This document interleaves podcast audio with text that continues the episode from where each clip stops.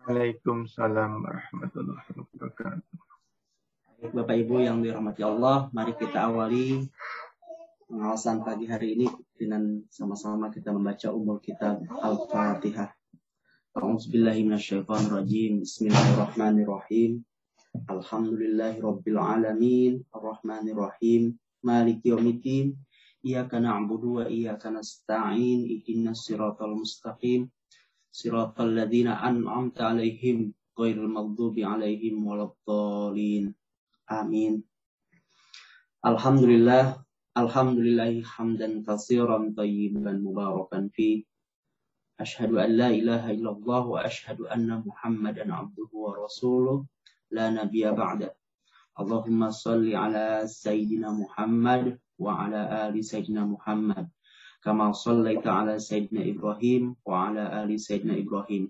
Wa barik ala sayyidina Muhammad wa ala ali sayyidina Muhammad kama barakta ala sayyidina Ibrahim wa ala ali sayyidina Ibrahim fil alamin innaka Hamidum Majid. Bapak dan Ibu yang Allah rahmati, alhamdulillah pagi hari ini kita kembali ngaji sirah nabawi ya. Mengkaji perjalanan kehidupan kanjeng Nabi Muhammad sallallahu alaihi wasallam menatap eh, menapaki perjalanan bagaimana Rasulullah berjuang ya untuk memperjuangkan syariat ini, memperjuangkan agama ini agar sampai kepada kita ya yang hidup 15 abad setelah kanjeng Nabi Muhammad Shallallahu Alaihi Wasallam. Maka uh, kita selaku umatnya, selaku umat yang berharap untuk mendapatkan syafaat dari kanjeng Nabi, maka tidak maka selayaknya lah kita untuk uh, lebih mengenal ya. Lebih tahu dan lebih dekat lagi dengan sunnahnya, dengan perjuangannya sehingga kita bisa mendapatkan ibro, mendap memberi mencontoh apa yang sudah Rasulullah lakukan.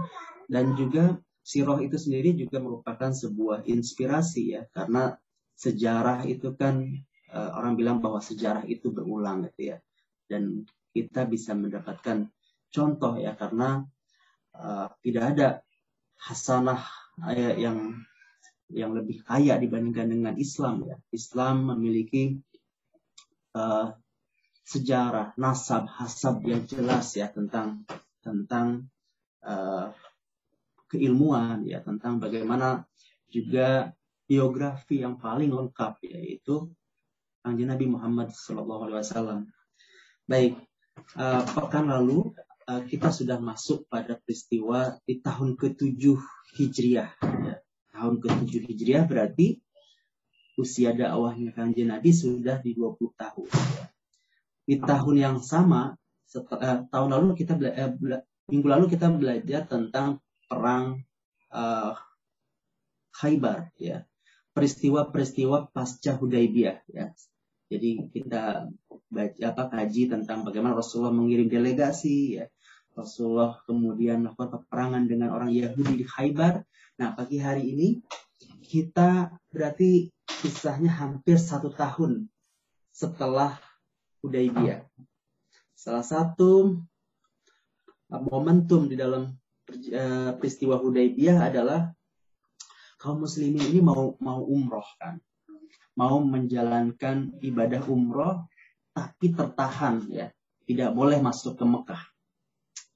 Akhirnya uh, mengalahlah kaum muslimin dan mereka orang-orang Quraisy akan mengizinkan kaum muslimin, Rasulullah dan kaum muslimin untuk umroh setahun lagi, masya Allah ya. Ini kerinduan terhadap tanah air, kerinduan kepada Baitullah itu yang sudah membara ya di, di, dalam hati kaum muslimin terlebih para sahabat muhajirin yang telah meninggalkan kampung halaman mereka ya. Enam tahun lamanya tidak pernah kembali ke Mekah kemudian pas mau ada momentum mau umroh ya sudah sampai beberapa kilometer lagi masuk Mekah ternyata ditahan ya. Kita bisa membayangkan ya betapa uh, sedihnya betapa kecewanya ketika itu. Tapi memang ada kalanya yang kita harapkan itu ada kalanya tertunda itu ya. Ada uh, tidak sesuai dengan yang kita inginkan. Tapi Allah memberikan memberikannya pada waktu yang tepat, memberikannya pada kebutuhan sesuai dengan kebutuhannya. Dan memberikannya pada momentum yang tepat ya. Ini juga yang bisa kita lihat dari peristiwa umroh kodo ya. Umroh pengganti ya. Artinya harus tertunda sekitar satu tahun.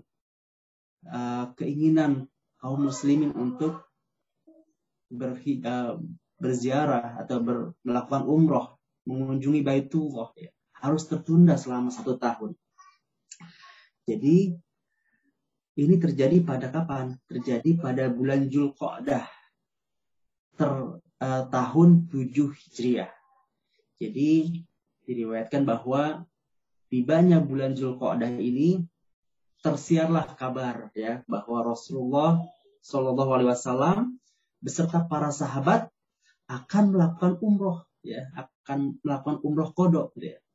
Dan siapa pun uh, yang dulu dalam yang dulu pernah ikut dalam Hudaibiyah ya siapa pun yang dulu ikut dalam peristiwa Hudaibiyah itu disuruh berangkat ya diperintahkan untuk berangkat karena itu mereka pun berangkat kecuali uh, sahabat yang wafat atau sudah syahid sebelumnya ya karena ada beberapa orang yang uh, syahid di dalam peristiwa uh, perang Khaybar ya jadi ada 1.400 orang. Istimewa sekali memang ini para sahabat yang ikut dalam Hudaibiyah ini ya.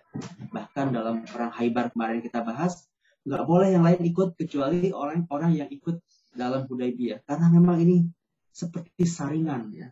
Ini seperti saringan karena banyak juga orang yang dengan alasan tertentu ya nggak, mau ikut itu alasan bisnisnya, ekonominya gitu harus menunggu ladang, menunggu menunggu lahan-lahan perkebunan mereka, gitu ya. alasan-alasan eh, ekonomi dan sebagainya. Tapi yang 1.400 orang ini sahabat yang luar biasa ya, teguh pendiriannya ya, dan mendapatkan keistimewaan ya. Dan mereka juga ikut serta dalam Bayatul Ridwan ya ketika dalam peristiwa Hudaybiyah. Baik, jadi ketika tersiar ini 1.400 orang boleh ikut berangkat dan diperintahkan untuk berangkat ya kecuali yang mati syahid. Di samping mereka ada juga uh, ratusan orang yang ikut. Jadi kurang lebih terkumpul sekitar 2.000 orang ya belum termasuk wanita dan anak-anak ya. Dan berangkatlah ini momentumnya di, di penghujung berarti bulan Zulqa'dah ya uh, bulan bulan Zulqa'dah tahun ke-7 uh, Hijriah Nah, ada beberapa hal yang dilakukan oleh Rasulullah eh, dengan berangkatnya ke Mekah ini untuk melakukan umroh. Yang pertama, Madinah diwakilkan kepada Uwai bin Abu Rahim Al-Ghifari. Masya Allah. Ini salah satu ciri Rasulullah atau salah satu hal yang sering dilakukan oleh Rasulullah ketika beliau meninggalkan kota Madinah untuk satu urusan ini untuk umroh atau untuk satu ekspedisi gitu ya Rasulullah selalu me, me, me, apa namanya mengangkat pemimpin ya, mengangkat uh, dut atau namanya yang mewakili Rasulullah di Madinah ya. Nah ini ini luar biasa sekali dalam bentuk pendidikan dan regenerasi ya buat buat kita kita ya. Bagaimana Rasulullah memberikan kepada orang-orang uh, para sahabat ini dididik untuk menjadi seorang pemimpin ya. Sudah dibekali uh, mereka dengan jiwa kepemimpinan ya. bayangkan berarti mereka pengganti menjadi wakil Rasulullah di Madinah berarti urusan-urusan masyarakat urusan ibadah gitu ya. Uh, termasuk juga mengimami kalau gitu uh, di masjid Nabawi ketika Rasul tidak ada di Madinah itu Rasul angkat Eh, sahabat-sahabat ya. dan itu bergantian ya. Itu bergantian tidak memandang suku ya. Tidak memandang latar belakang ya. Pernah suatu ketika Rasulullah juga mengangkat Abdullah bin Umi Maktum ya. Kita tahu Abdullah bin Umi Maktum ada uh, dari sisi ini ya uh, penglihatan kan beliau ini ya uh, tuna itu ya. Uh, tapi Rasulullah me, me, me, me, mengangkatnya ya. Ini sebagai bagian dari pendidikan ya eh, kepercayaan. Dan latar belakangnya juga beragam ya. Ada kalanya orang Ansor ada kalanya orang Muhajirin bahkan dari bukan keduanya dari suku yang lain termasuk yang hari ini kita bahas dalam umroh kodo Rasulullah mengutus atau menunjuk mewakilkan urusan Madinah kepada Uwaid bin Abu Rahim Al-Ghifari. Berarti dari namanya saja beliau dari mana? Dari suku Al-Ghifar, ya, suku Ghifar, ya. Suku yang dulu kalau di dalam Jazirah Arab itu yang ditakuti gitu ya. Uh, suku kalau ngelewatin daerah Al-Ghifar, mungkin siap-siaplah mereka untuk wah ini ada ada sarang penyamun, sarang sarang perampok ya. Tapi kemudian Islam datang kemudian uh, mengubah citra itu dan menjadi uh, satu kaum ya yang teguh ya dengan akhlak dan uh, dengan keteguhannya membela Islam. Salah satu tokoh yang ter, yang besar ya mungkin sudah populer ya di kalangan kita semua sahabat Abu Zar Al Ghifari ya. Ini salah satu andil dari seorang sahabat Abu Zar ya ketika uh, datang kepada Rasulullah di Mekah dulu zaman awal-awal uh, periode dakwah Rasulullah Kemudian Abu Zar ini disuruh pulang ke Al-Ghifar ya. Mengislamkan dua kelompok besar yaitu Al-Ghifar dan Aslam ya kalau salah. Uh, dua suku yang perlu ditakuti ya sebagai sarang penyamun. Baik dari sini yang dilakukan oleh Rasulullah, Rasulullah mengangkat wakil di Madinah. Ini sebagai bagian dari kaderisasi pendidikan uh, dan juga membangun kepercayaan ya, kepada umat ya. Nanti kalau selepas Rasulullah ya kalian jangan kaget ya dengan kepemimpinan yang estafet kepemimpinan. Itu. Yang kedua Rasulullah eh, juga bersama para sahabat membawa serta 60 ekor unta untuk kurban ya. Jadi nanti untuk dipersiapkan dalam uh, uh, kurban pada saat umroh nanti itu ya kemudian Najiyah bin Jundab ditunjuk sebagai penanggung jawab untuk mengewat, uh, untuk mengurusi hewan kurban ini. Ya, sekali lagi, pos-pos delegasi, pos-pos uh, organisasi dibangun sedemikian rupa oleh Rasulullah ya.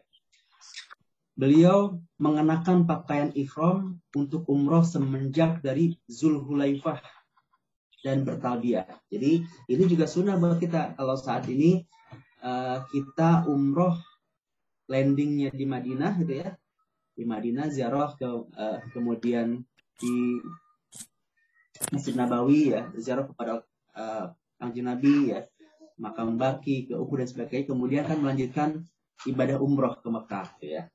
Nah kita melakukan mikot ya atau berikhram uh, mengambil mikot itu biasanya di Bir Ali atau Zulhulaifah ini yang dicontohkan oleh Rasulullah ketika umroh kodo ya. Jadi kalau penduduk Madinah atau orang yang berangkatnya dari Madinah uh, mikotnya ada di Zulhulaifah atau Bir Ali saat ini. Dan melanjutkan dengan dilanjutkan terus dengan bertalbiah sampai ke Mekah. Dan berapa lama perjalanannya ya? Itu waktu itu perjalanannya sekitar 10 hari teman-teman ya 10 hari ya kita bayangkan memakai pakaian ihram gitu ya. Perjalanan panjang. Jadi memang ini sebuah perjuangan. Beda kalau sekarang mungkin ya. 5 sampai 6 jam di bis AC ya. Sambil kantuk-kantuk sambil tertidur mungkin ya. Itu uh, perjalanan di uh, antara Bir Ali ataupun dari Madinah sampai ke ke Mekah ya. Baik, jadi di pers, apa uh, sudah mengambil mikot, sudah berikhram ya, kemudian terus uh, bertalbiyah. Samping itu beliau juga mempersiapkan senjata dan pasukan ya karena mengkhawatirkan pihak Quraisy akan berkhianat. Ya. Meskipun sudah ada jaminan atau uh, komitmen dari Quraisy ya untuk mempersilahkan kaum muslimin melakukan umroh tahun depan ya waktu peristiwa Hudaybiyah. Tapi sekali lagi ini juga pelajaran buat kita untuk senantiasa mawas diri ya, senantiasa bersiap. Rasulullah tetap mempersiapkan pasukan ya dengan senjata lengkap Eh, karena khawatir nanti ada pengkhianatan dan sebagainya. Ya, ini pelajaran untuk senantiasa bersiap mawas diri, gitu ya. Jadi ber, uh, berangkat ke Mekah dengan senjata lengkap, gitu. Ya, jadi kemudian uh, karena Rasulullah khawatir, khawatir nanti Quraisy akan berkhianat.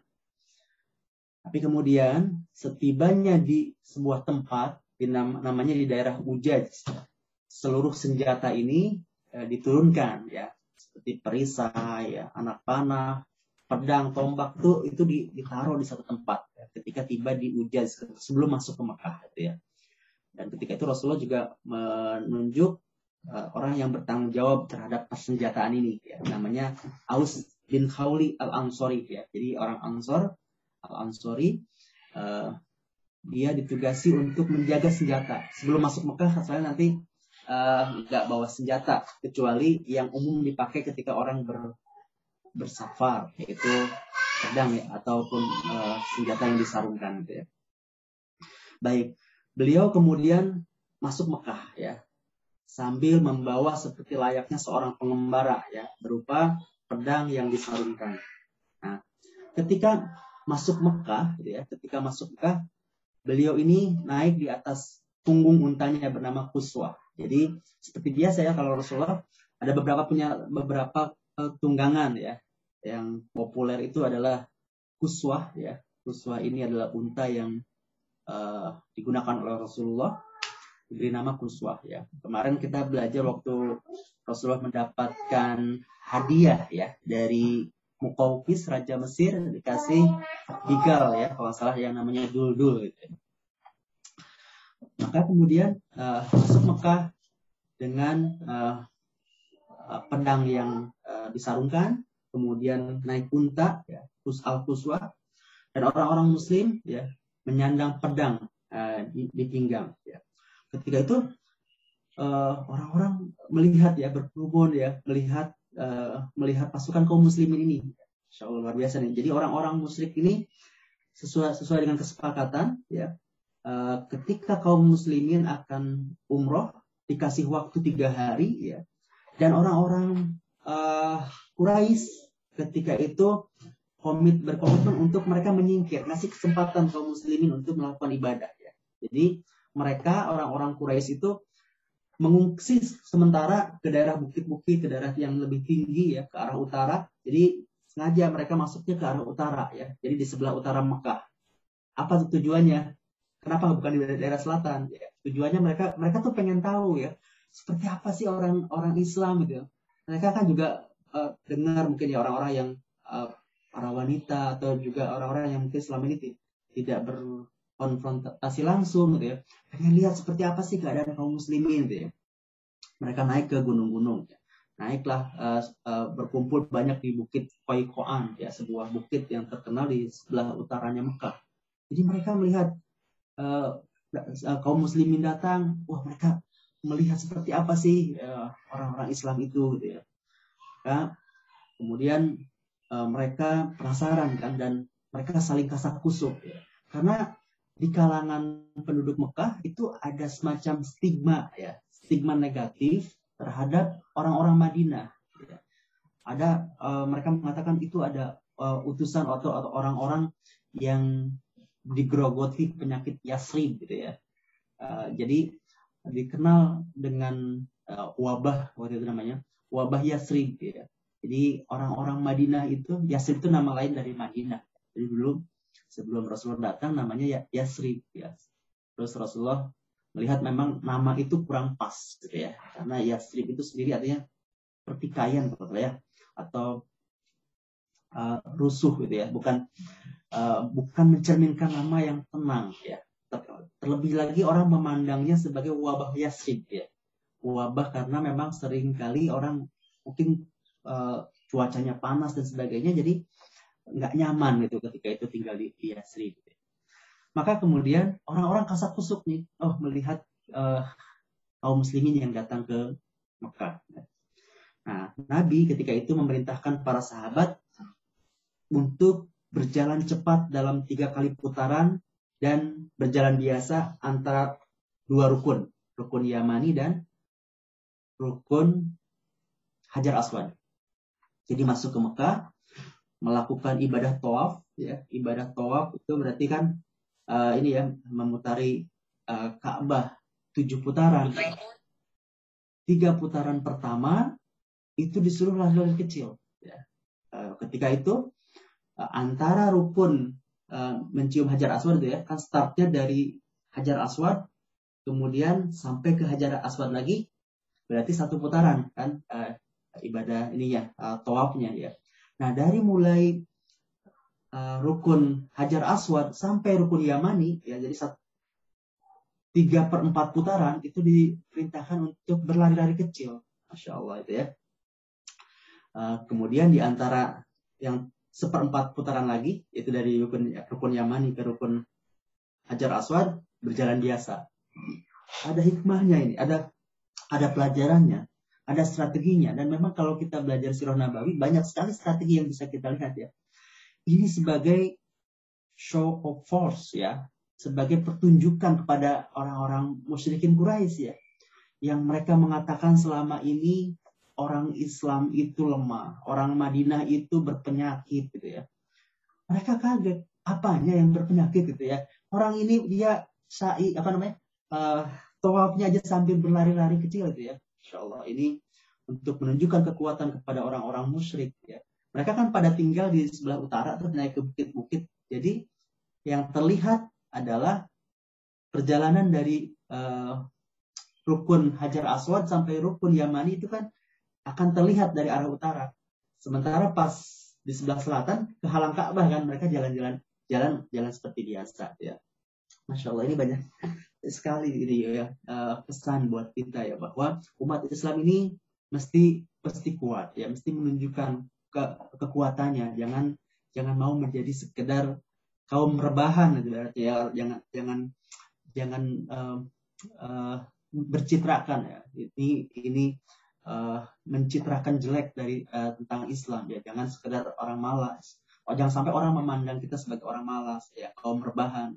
Maka momentum ngaji pagi ini juga insya uh, uh, banyak berkahnya ya ini sebagai usaha kita untuk menjemput keberkahan gitu ya jangan sampai setelah subuh kita rebahan tiduran gitu ya tapi kita dengan ngaji beraktivitas itu itu bagian dari uh, cara kita ya menghidupkan sunnah ya. Jadi Rasulullah memberi mencontohkan kepada sahabat, ayo kita tunjukkan Islam itu kepada mereka ya. Di orang-orang melihat melihatnya ya. Itu itu itu apa namanya? Perjalanan uh, bagaimana ketika memutari Ka'bah atau tawaf dengan berlari-lari kecil ya. Tapi memang uh, kalau dibandingkan sekarang mungkin beda ya. Kalau uh, kalau pandemi sekarang mungkin bisa ya kalau lihat di TV lengang tapi kalau dalam kondisi normal nggak sulit untuk lari-lari kecil gitu yang saat ini gitu ya kan sudah padat gitu. tapi ada ada ada makna strategisnya ketika itu Rasul ingin menunjukkan Islam ini kuat loh ya Islam ini tidak seperti yang kalian bayangkan maka kemudian orang-orang musyrikin juga kaget wow ini loh Islam ternyata apanya yang dibilang berpenyakit mereka orang-orang kuat ya. Beliau juga memerintahkan kepada para sahabat untuk menyelempangkan kain di pundak kiri ya. Jadi uh, kain ikhramnya ya ingat ya kalau kita ber ini kan memakai kain kain ihram ya ketika sedang uh, tawaf ya itu yang sebelah uh, kirinya ya, dibuat ter, terbuka ya uh, di pundak kiri ya dan membuka pundak kanan gitu ya agar menyelempangkan kain di pundak kiri dan membuka uh, yang sebelah kanan ya. Dan ujung kain itu diselempangkan. Ya. Jadi beliau juga menunjukkan ini loh kekuatannya kaum muslimin sehat ya yang yang selama ini bilang sebagai berpenyakit itu ini loh orang-orang yang sehat. Ya. Baik kemudian beliau masuk ya beliau ini masuk ke Mekah ini dari arah Saniyah ya, dengan jalan memutar ya. Sementara orang-orang musyrik berbaris eh, melihat Rasulullah, melihat kaum muslimin. Dan beliau terus mengucapkan talbiyah hingga tiba di rukun ya, rukun uh, rukun Ka'bah ya, rukun Yamani, rukun Ka'bah kan ada empat sudut ya. Sudut-sudut itu disebut dengan rukun. Ada rukun Yamani ya di arah selatan ya. Kemudian rukun Hajar Aswad itu juga di arah selatan, tapi yang ada Hajar Aswadnya, kemudian rukun Irak, rukun Syam gitu ya. Iraki dan Syami. Ya. Jadi uh, Rasul terus mengucapkan talbiyah. Kemudian beliau tawaf, ya orang-orang Muslim juga tawaf. Nah ini ada ada ada ada peristiwa menarik nih ketika sudah masuk Mekah, kemudian uh, ada seorang sahabat. Ya. Sahabat ini uh, bernama Abdullah bin Rawahah. Ya. Abdullah bin Rawahah ini sahabat yang terkenal sebagai ahli syair ya. Jadi ahli syair, ahli yang meng, uh, yang ahli menggunakan apa? mengumandangkan syair ya, membuat syair ya. Abdullah bin Rawahah ya. Abdullah bin Rawahah ini berada di depan Rasulullah ya. Sambil dia berjalan sambil melantunkan syair ya. Sambil uh, memegang pedang gitu ya. Um, uh, bersyair. Ini kalau terjemahan syairnya biarkan orang-orang kafir di atas jalannya, biarkan setiap kebaikan di tempatnya. Yang pengasih telah menurunkan wahyu kepada Rasulnya yang dibaca setiap waktu. Ya Rob, aku tetap orang mukmin sejati ya, yang mengetahui hak Allah sejak dini. Kematian terbaik adalah jalannya. Hari ini kami pukul kalian dengan wahyunya. Pukulan yang bisa memenggal kepala meninggalkan kekasih, meninggalkan kekasih yang tercinta ini kalau diucapkan dalam syair Arab dan mereka mengerti maknanya ini sangat kuat gitu ya. Karena memang orang Arab itu terkenal dengan kemampuan syairnya ya, kemampuan uh, bahasanya yang luar biasa ya. Makanya juga Al-Qur'an turun kepada kaum yang memang kuat uh, dalam hal syair gitu ya. Orang orang-orang uh, Mekah, orang Quraisy ini terkenal, orang Jazirah Arab ini terkenal dengan kekuatan syairnya. Bahkan mereka ada momen di mana ada weekly weekly syair ya. Jadi ada uh, pekanan, syair pekanan. Syair terbaik nanti akan dibayar mahal, digantung di Ka'bah ya, ada di pasar Ukas namanya di Mekah itu ya. Itu ada weekly syair kontes gitu ya, seperti itu. Dan ini mereka uh, lakukan uh, dan syair ini menjadi menjadi alat yang sangat penting gitu ya. Karena menjadi media propaganda, menjadi media komunikasi. Ya. Ini penting sekali juga buat sampai saat ini kan, ibaratnya uh, televisi, media informasi itu kan kadangkala membuat merubah opini ya, me, me, menjadi media untuk campaign gitu ya, mengkampanyekan uh, program, mengkampanyekan kebaikan, bahkan bisa jadi untuk uh, black campaign ya membuat citra citra citra lemah buat posisi lawan ya. Nah, jadi Abdullah bin Rawah ini berkumandang syair. Di mana di depan Rasulullah, di tempatnya di mana di tanah haram di Mekah ya. Maka ketika uh, men mendengar itu ya, mendengar Abdullah bin Rawahah mengumandangkan syair ini, Sayyidina Umar ketika itu berkata kepada kepada ini ya, kepada Abdullah bin Rawahah ini dalam hadis Anas ya disebutkan bahwa Sayyidina Umar berkata, "Wahai Ibnu Rawahah, ya. Bagaimana mungkin di hadapan Rasulullah Shallallahu alaihi wasallam dan di tanah suci engkau melantunkan syair?" Insyaallah. Jadi ditegur ini, "Oh, kamu uh, malah melantunkan syair itu. Itu ada Rasulullah di situ. Ya. Ini di, di tanah di Mekah loh ya. Tapi kemudian Rasulullah uh, me, me, apa mengomentarinya ya biar biarkan saja dia wahai Umar ya sabda Rasulullah ya uh, karena dia lebih cekatan ya lebih terampil uh, merangkum syair daripada mencabut anak panah ya. Daripada melemparkan anak panah Masya Allah. Jadi pertama ini juga pelajaran buat kita dalam hal beragama ini ya. Jangan sampai apa-apa menyalahkan. Ini bid'ah ini uh, sesat. Jangan sampai demikian ya. Uh, yang yang uh, ya dari sisi uh, dalam hal kearifan dalam dalam dalam beragama ya. Yang kedua setiap orang punya potensi gitu ya setiap orang punya potensi untuk mengemban uh, amal dakwah menjadi uh, orang yang uh, bisa menjadi uh, penyiar tentang bagaimana keindahan Islam ini ya dengan potensinya masing-masing, dengan kekuatannya masing-masing. Ini salah satunya Abdullah bin Rawaha. Ya. Abdullah bin Rawaha memang terkenal sebagai ahli syair dan dia menggunakan kekuatan syairnya itu ya untuk uh, uh, menyiarkan tentang Islam gitu ya. Karena Rasulullah mengatakan bahwa dia lebih ahli dalam merangkai syair dibandingkan daripada mencabut anak panah ya bukan ahlinya dalam berperang ya. Ada juga nanti sahabat yang lain yang yang yang juga demikian ya takut sekali melihat melihat darah ya eh, bahkan menggotong mayat yang sudah mati saja waktu itu waktu peristiwa peristiwa perang Parit ya perang Kondak dia takut sekali ya tapi Rasulullah uh, uh, tempatkan dia ya. Karena dia sebagai seorang ahli syair ya. Ini ada satu lagi saya lupa namanya. Yang ini kisahnya tentang Abdullah bin Rawahah ya. Jadi ini pelajaran buat kita juga bahwa setiap kita punya potensi dan kita bisa dioptimalkan untuk uh, bagian dari uh, amal amal dakwah gitu ya. Biarkan saja dia wahai umat Rasulullah ya. Karena uh, karena dia lebih cekatan merangkai syair daripada mencabut anak panah kemudian ada peristiwa lain beliau kemudian beliau dan orang-orang muslim berjalan cepat dalam tiga kali putaran tadi dalam tawaf gitu ya. Nah, ketika orang-orang musyrik melihat jalan beliau seperti itu ya, mereka berkata kepada yang lain, itukah orang-orang yang kalian katakan sedang digerogoti penyakit ya? Itukah orang yang kalian katakan orang-orang yang lemah? Mereka lebih perkasa dari ini dan itu. Masya Allah. Mereka lebih perkasa dari dari yang mereka bayangkan. Orang Islam lebih perkasa dibandingkan yang mereka bayangkan. Masya Allah.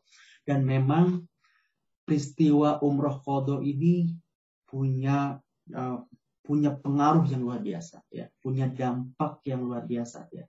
Sekali lagi ini salah satu dari hikmah besar dari peristiwa Hudaybiyah. Kaum muslimin kemudian umrohnya tertunda, tapi tertunda setahun ternyata Allah berkehendak ini momentum yang terbaik buat kaum muslimin. Yang kedua umroh ini menjadi eh, kesannya sangat sangat kuat ya dan men-trigger beberapa peristiwa pembukaan sebelum Fatu Mekah. Kenapa? Karena orang-orang musyrikin ini melihat bagaimana orang-orang muslim berinteraksi, bagaimana kekuatan kaum muslimin, bagaimana persaudaraan mereka, bagaimana akhlak mereka ya. Tiga hari mereka melihat kaum muslimin ini di atas bukit. Oh begitu, oh bagaimana mereka kagum dengan kaum muslimin ya. Uh, melihat bagaimana perilaku mereka, bagaimana kekuatan kaum muslimin, masya Allah. Dan ini menjadi trigger sekali lagi menjadi Uh, pembukaan pembukaan untuk Fatu Mekah ya. Jadi banyak orang yang tergugah hatinya melihat kaum muslimin melihat akhlaknya ya. Sekali lagi dakwah itu tidak selalu dengan kata-kata juga dengan akhlak gitu ya. Tiga hari melihat kaum muslimin menjadi pencerahan ya buat orang-orang uh, Quraisy ya melihat keindahan Islam. Jadi kemudian uh, seusai tawaf ya Rasulullah melakukan ibadah syai antara syak Syafa dan uh, Marwah ya, Syafa dan Marwah.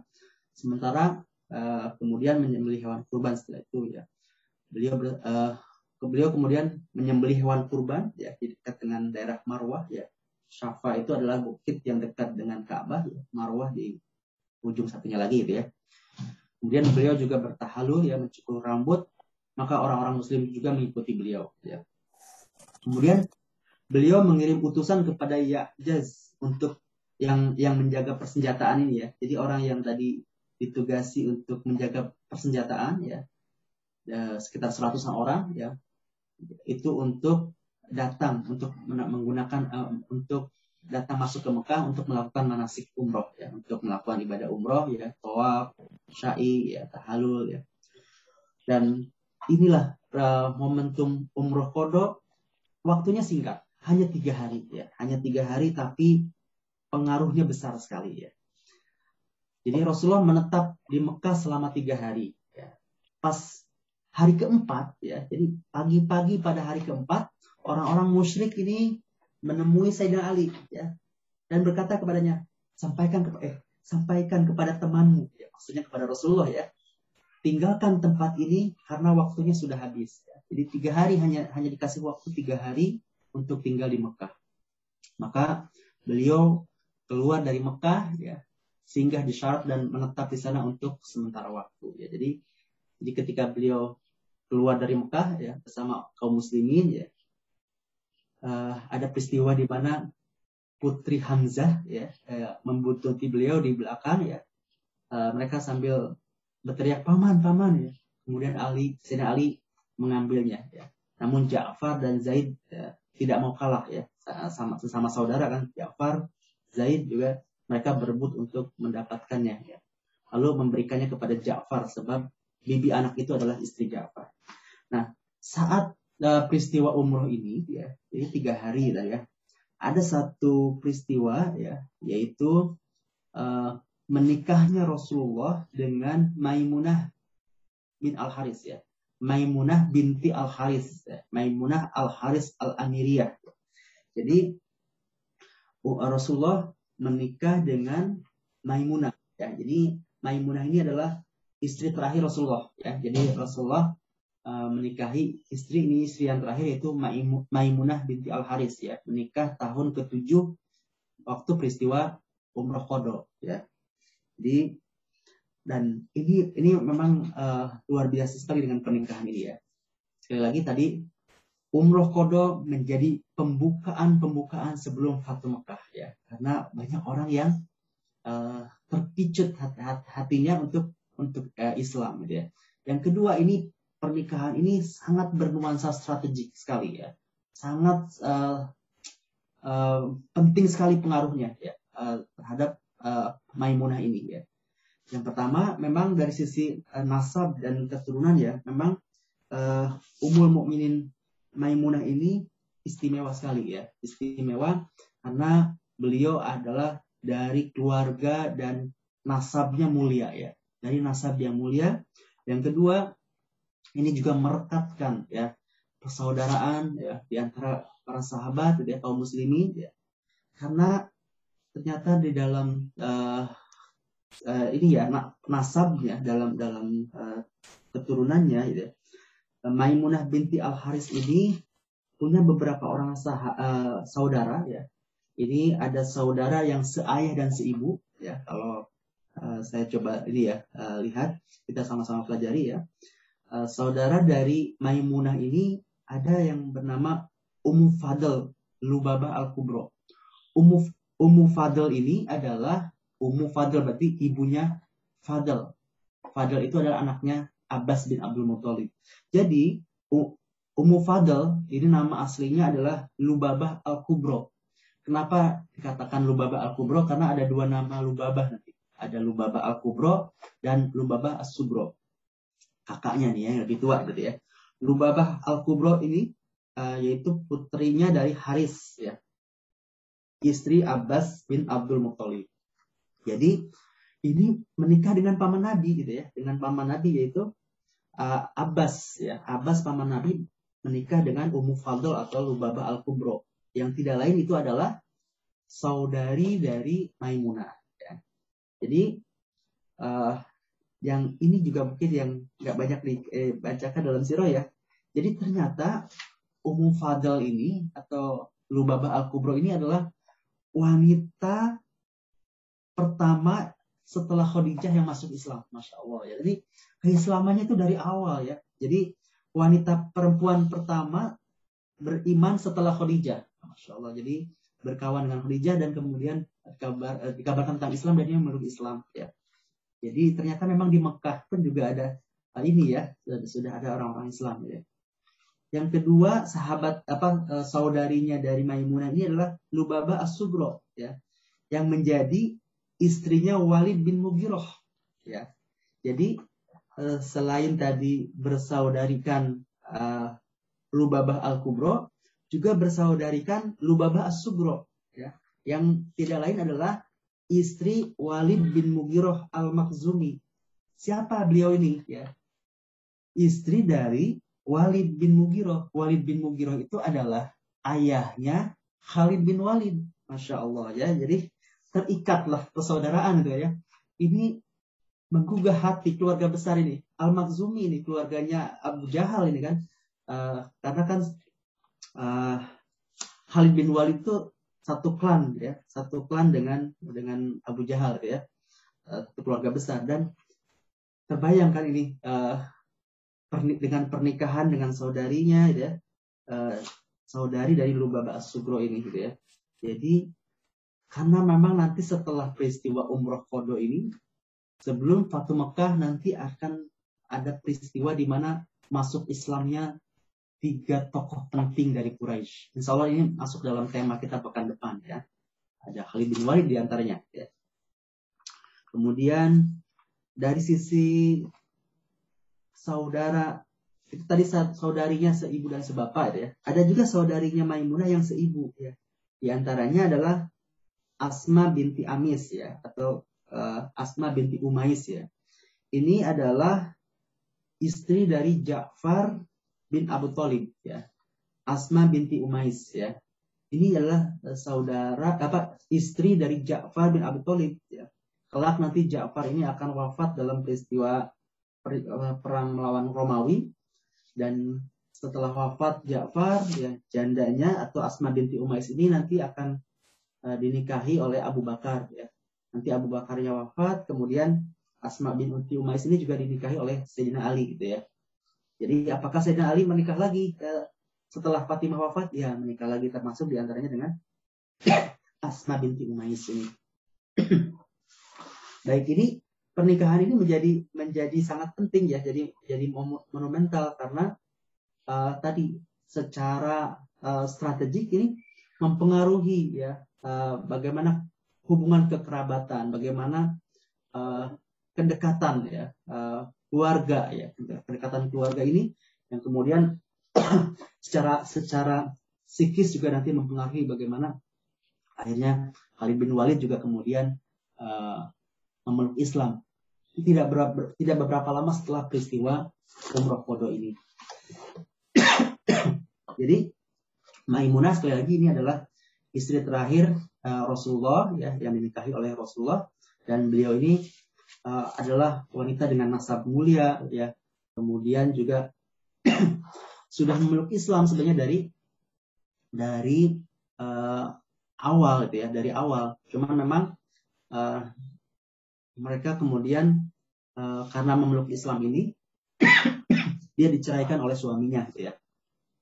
Dan selama itu mereka tinggal di rumah uh, Abu Lubaba As-Sugro Al-Kubro atau tadi di rumah Abbas ya jadi Rasulullah kemudian uh, melangsungkan pernikahan ya awalnya pernikahan ini mau dilangsungkan di Mekah ya.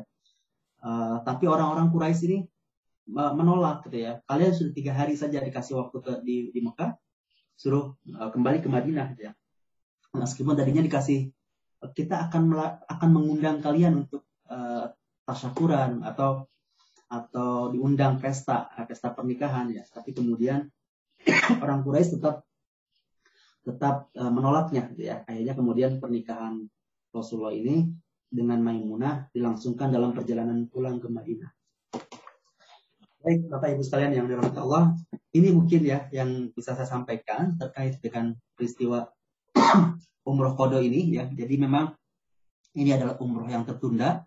Memang ada kalanya yang kita inginkan, yang kita harapkan itu tertunda ya, atau tidak langsung kita dapatkan ya, karena sekali lagi uh, bisa jadi itu karena Allah memang uh, memberikannya ya dalam bentuk lain atau memberikannya di waktu yang lebih tepat. Jadi kalau saat ini ada yang tertunda keinginan kita ya, tertunda belum punya anak, tertunda belum punya pasangan, insya Allah ya kita tetap berbaik sangka kepada Allah ya, belajar dari peristiwa umroh kodo ini ya. Kalau saja memaksakan memang tahun ke-6, mungkin tidak sebesar ini pengaruhnya ya tidak sebesar ini kesempatannya. Karena sekarang leluasa, tiga hari orang Quraisy menyingkir. Ya. Dulu tahun sebelumnya, mana mau orang Quraisy menyingkir. Mungkin juga bisa terjadi kericu, uh, apa namanya, pernikahan dan sebagainya ya. Bisa jadi uh, berbahaya buat kaum muslimin itu ya.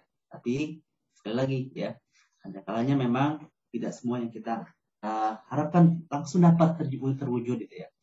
Yang, kita, yang kedua lagi ini pelajaran sekali lagi berlanjut kemenangan demi kemenangan, pembukaan demi kemenangan, ke, ke pembukaan demi pembukaan, ke, uh, dan ini merupakan pra pembukaan Fatu Mekah, kemenangan kaum muslimin untuk membebaskan kota Mekah. Kapan itu dimulai? Sekali lagi dampak besar dari perjanjian Hudaybiyah di uh, sudah tiga pertemuan kita lihat ya. Poin-poin Hudaybiyah memberikan dampak besar buat kemenangan kaum muslimin ya. Kemudian poin-poin yang tadi kita pelajari ya terkait dengan bagaimana estafet kepemimpinan ya me mengajarkan para sahabat menjadi sebagai apa memimpin kota Madinah ya kemudian selalu bersenantiasa bersiap siaga gitu ya Rasulullah tetap uh, membawa senjata lengkap ya uh, sebagai siap siaganya gitu ya kemudian Islam harus memberikan citra positif ya terkait dengan tadi bagaimana uh, tawafnya Rasulullah ya memutus menghapus stigma negatif tentang kaum muslimin dan orang-orang Madinah ya. Dan uh, pelajaran juga tadi untuk kita arif dalam beragama ya jangan sampai mudah membidahkan orang lain seperti itu. Uh, ketika kita bicara tentang tadi bagaimana Abdullah bin Rawaha men, me, me, mengungkapkan syair ya dan uh, juga setiap orang punya potensi ya optimalkan potensi kita masing-masing ya untuk uh, siar dakwah ini tentunya. Baik, mungkin ini yang bisa saya sampaikan ya kurang lebihnya mohon maaf. Ya, silahkan kalau ada diskusi ya tambahan tausiah maupun juga pertanyaan uh, monggo saya persilahkan.